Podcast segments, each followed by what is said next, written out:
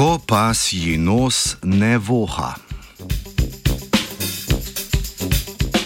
Mednarodna raziskovalna skupina iz univerz v Lundu in Ötvus Lorand v Budimpešti poroča o tem, da psi z nosom ne le vohajo, ampak zaznavajo tudi toplotno sevanje. Vlažen del smrčka ima veliko žilčnih celic, ki imajo senzorično funkcijo. V primerjavi s konicami nosov rastlinojedih kopitarjev imajo mesojede zveri hladnejši vlažen smrček.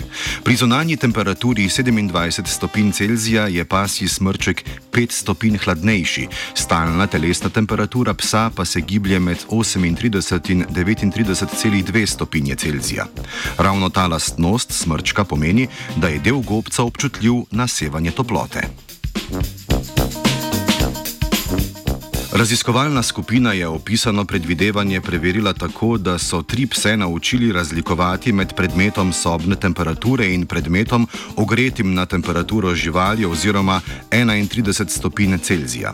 Vsi trije psi so uspešno izbrali ogret predmet, čeprav sta predmeta izgledala enaka in nista imela različnega vonja. Psi so bili naučeni, da prejmejo nagrado le potem, ko prepoznajo ogret predmet.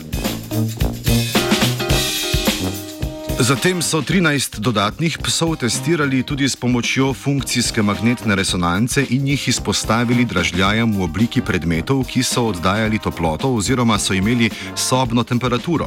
Zaznali so aktivnosti delov možganov, ki sicer dobijo informacije o okolju iz nosu. Odziv na dražljaj je bil v levem somatosenzoričnem korteksu višji v primeru izpostavitvi ogretemu predmetu. Oba poskusa kažeta v prid predvidevanju raziskovalne skupine. Vlažen smrček ima funkcijo zaznavanja temperature.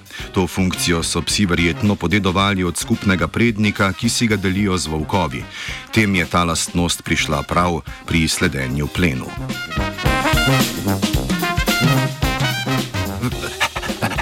Vlažni, pasi, smrček vsako jutro prebudi zarjo. Three,